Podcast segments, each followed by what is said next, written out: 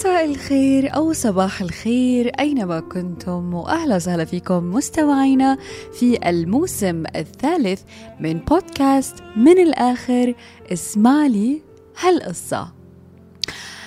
كم وحدة مننا استخدمت عبارة أنا الجميلة وهو الوحش؟ وقد يكون مفهوم أو كلمة الوحش تدل على الشراسة واللا إنسانية بس مش بحكاية الجميلة والوحش. أو Beauty and the Beast أو La Belle لأنه تعد قصة الجميلة والوحش واحدة من أشهر القصص في تاريخ البشرية. حيث اطلع معظم أطفال العالم أو حتى الكبار في السن على هذه القصة سواء من خلال الكتب أو الأفلام السينمائية أو الكرتونية. وخاصة اللي قدمتها مؤسسة والت ديزني في حين ظهرت أول نسخة للقصة في حدود منتصف القرن الثامن عشر عن طريق قلم المؤلفة الفرنسية كابرييل سوزان باربو فالينوف وتحديدا عام 1740 على الرغم من وجود بعض القصص القديمة المشابهة لقصة الجميلة والوحش مثل قصة Cupid and Psyche أو إله الحب والروح للكاتب اللاتيني لوسيوس أبولياس ضمن رواية الحمار الذهبي واللي هي مشابهة لقصة الجميلة والوحش ولكن زي ما حكيت بعنوان إله الحب والروح. والقصتين بتدور أحداثهم حول أهمية النظر إلى ما وراء المظهر الجسدي. ولكن طبعا قصة كيبيدن سايكي كتبت عام 1566 يعني قبل لابيل إي لابات أو الجميلة والوحش. طيب قصة الجميلة والوحش هي قصة مقتبسة من قصة حقيقية دارت أحداثها ما بين القرن السادس عشر والسابع عشر. يعني اللي بدي أحكيه هو by all means إنها قصة non fictional أي هي قصة غير خيالية. يعني من الآخر القصة حقيقية ومبنية على قصة واقعية رح نحكي عنها أكيد. ما بعرف إذا أنتم مثلي بس أنا لما بشوف الأفلام أو المسلسلات based on a true story بتشدني أكثر من أنها لما تكون fictional. فيلا نبلش ال breakdown as usual. كالعادة رح أعمل شوية refresh للقصة المؤلفة والسينمائية. أول شيء علشان نقدر نقارن بينها وبين القصة الحقيقية. أول مرة عرض فيها فيلم الجميلة والوحش من بعد النسخة الأولى للكتاب كان في عام 1991 وكان الرقم الثالث في عصر نهضة أفلام والت ديزني وأول إخراج للفيلم حقق نجاحات عديدة وضخمة وكان أول فيلم يعرض بالكاتيجوري في والت ديزني بال animated musical romantic fantasies أو الرسوم المتحركة الموسيقية الخيالية والرومانسية. وكان من ضمن الأفلام التي عرضت على شركة الإنتاج وتم رفضها أكثر من مرة لأنها صعبه التنفيذ والإخراج. وكان عليها كتير refusals من قبل ال critics كون القصة الحقيقية نوعا ما دسمة على الأطفال. وصعب عليهم تقبلها أو تفهمها كونها مش في ضمن ال frame تبع ديزني اللي ماخذ الطابع الطفولي. ولكن براندا تشابمان and كريس ساندرز فبركوا القصة وأخرجوها وصنعوا الأحداث والنهاية السعيدة التي تليق بالجمهور المستهدف. وحاز Beauty and Beast على 3 أوسكار awards لأفضل صورة متحركة على شاشات السينما عام 1992 وأفضل أغنية ألفت وعرضت. وأفضل فيلم بالتأليف والإخراج. وحصل على جائزة البافتا awards عام 1993 وأيضا ال Golden Globe كل هذه الجوائز ما كانت ممكنة لو استسلم أحد المؤلفين والمخرجين من أول رفض. هلأ قصة الفيلم باختصار. خلينا نحكيها واسمعوا لي هالقصة. يحكى أنه منذ زمن بعيد كان هناك أمير يدعى ببرنس آدم. يعيش في قصر ضخم وفخم للغاية به العديد من الخدم ممن يقومون بخدمته. كان هذا الأمير فائق الجمال ولديه ثروة طائلة ومن عائلة شهيرة. ولكنه أناني كتير ما بيهتم إلا بحاله وبس. وفي ليلة من الليالي الممطرة اندق باب القصر. ولقوا الخدم امرأة عجوز مبللة وترتعد من البرد. طلبت منهم إنها تنام في القصر لليلة واحدة بس لحد ما ينتهي المطر.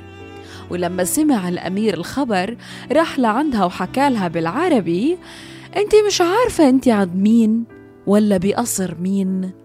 اطلعي برا قصري وإياكي إنك تقربي منه مرة تانية. ترجته المسكينة.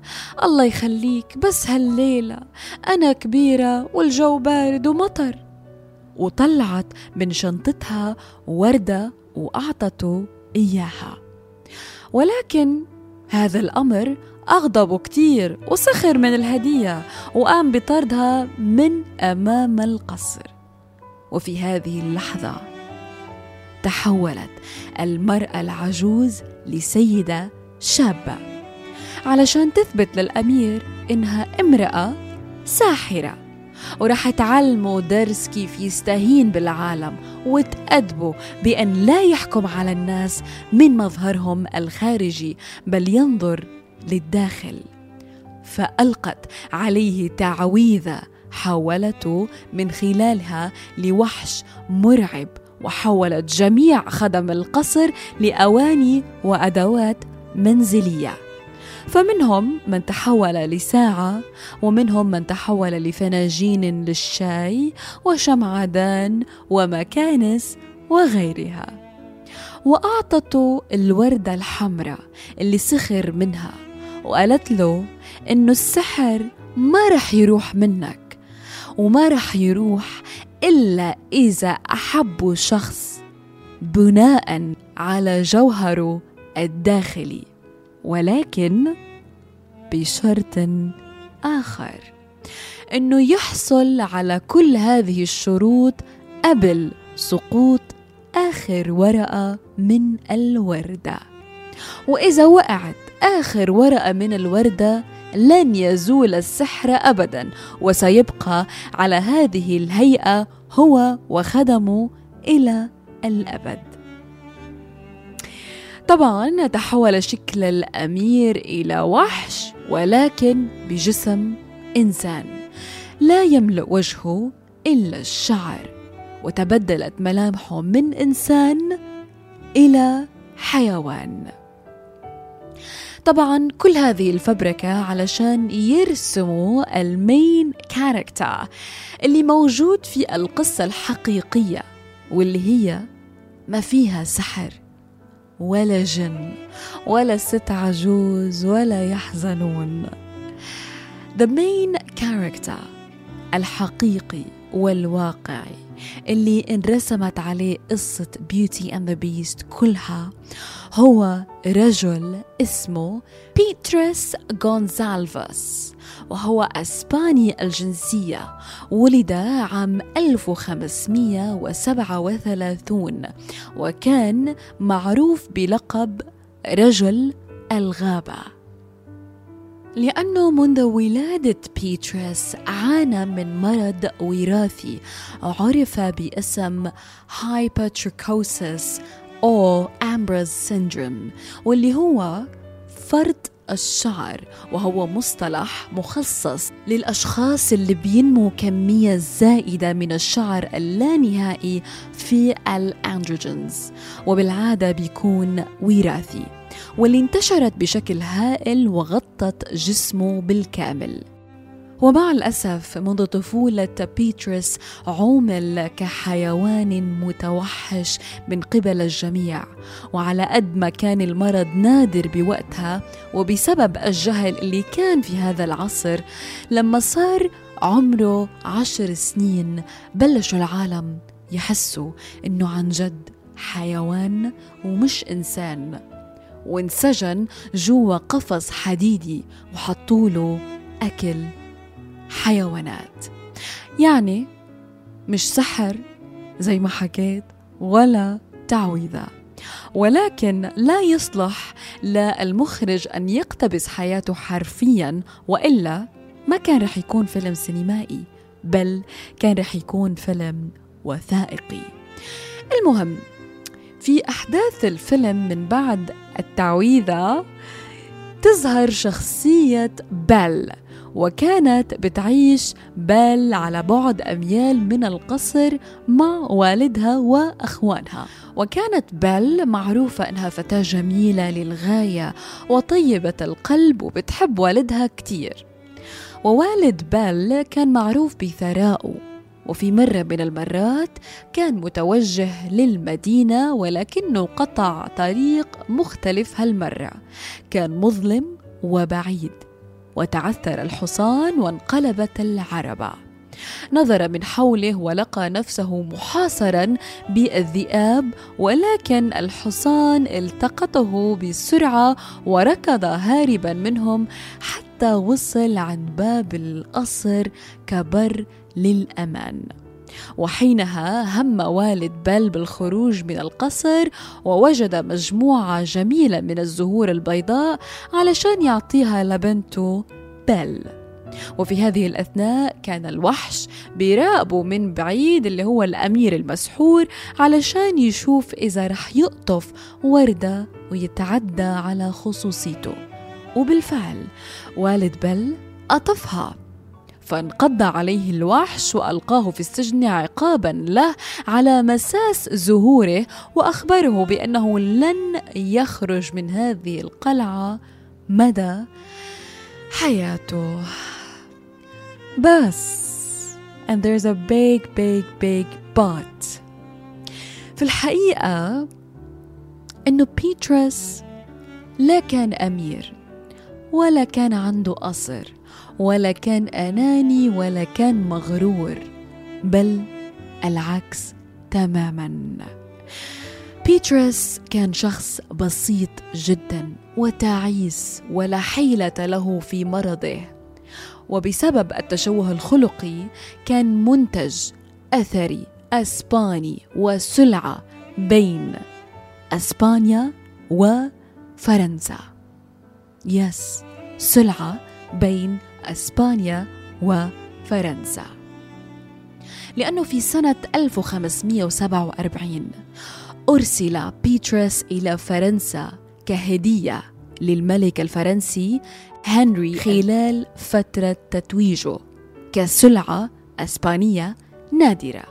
وحال دخوله للأراضي الفرنسية سجن بيترس داخل أحد الجاليريز الفرنسية وهنالك أجريت عليه أبحاث عديدة قادها أطباء ومختصون فرنسيون بهدف التأكد من طابعه البشري. خاصة بعد أن شكك كثيرون من العالم أنه هو بيترس ليس سوى حيوان متوحش. وفي غضون ذلك وخلال فترة إجراء دراسات عليه نطق بيترس حبيب المسكين باسمه ولكن بصعوبة وبتمتمة طفولية. بعد نهاية الأبحاث اتفق المختصون الفرنسيون أن بيترس ليس سوى طفل يبلغ من العمر عشر سنوات وبيعاني من تشوه خلقي.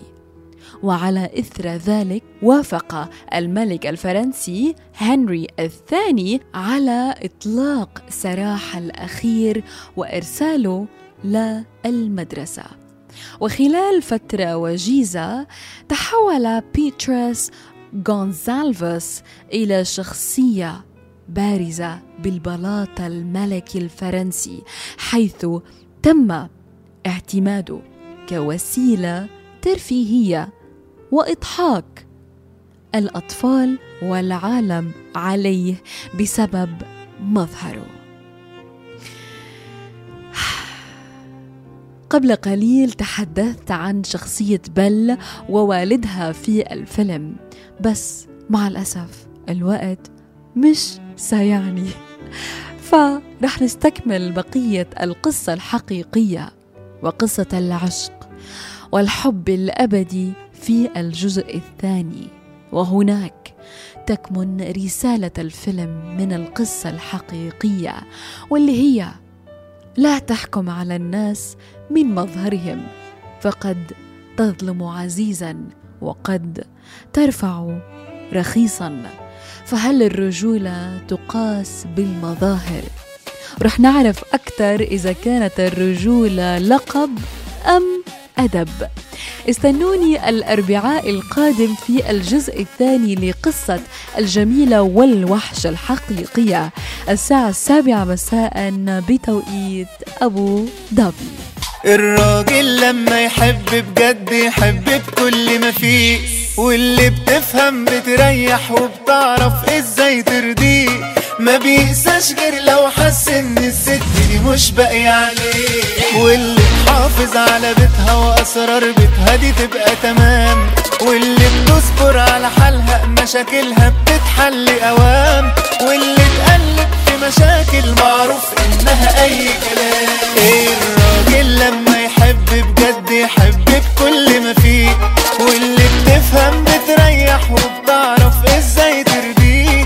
ما بينساش غير لو حس إن الست دي مش باقي عليه. واللي تحافظ على بيتها وأسرار بيتها دي تبقى تمام.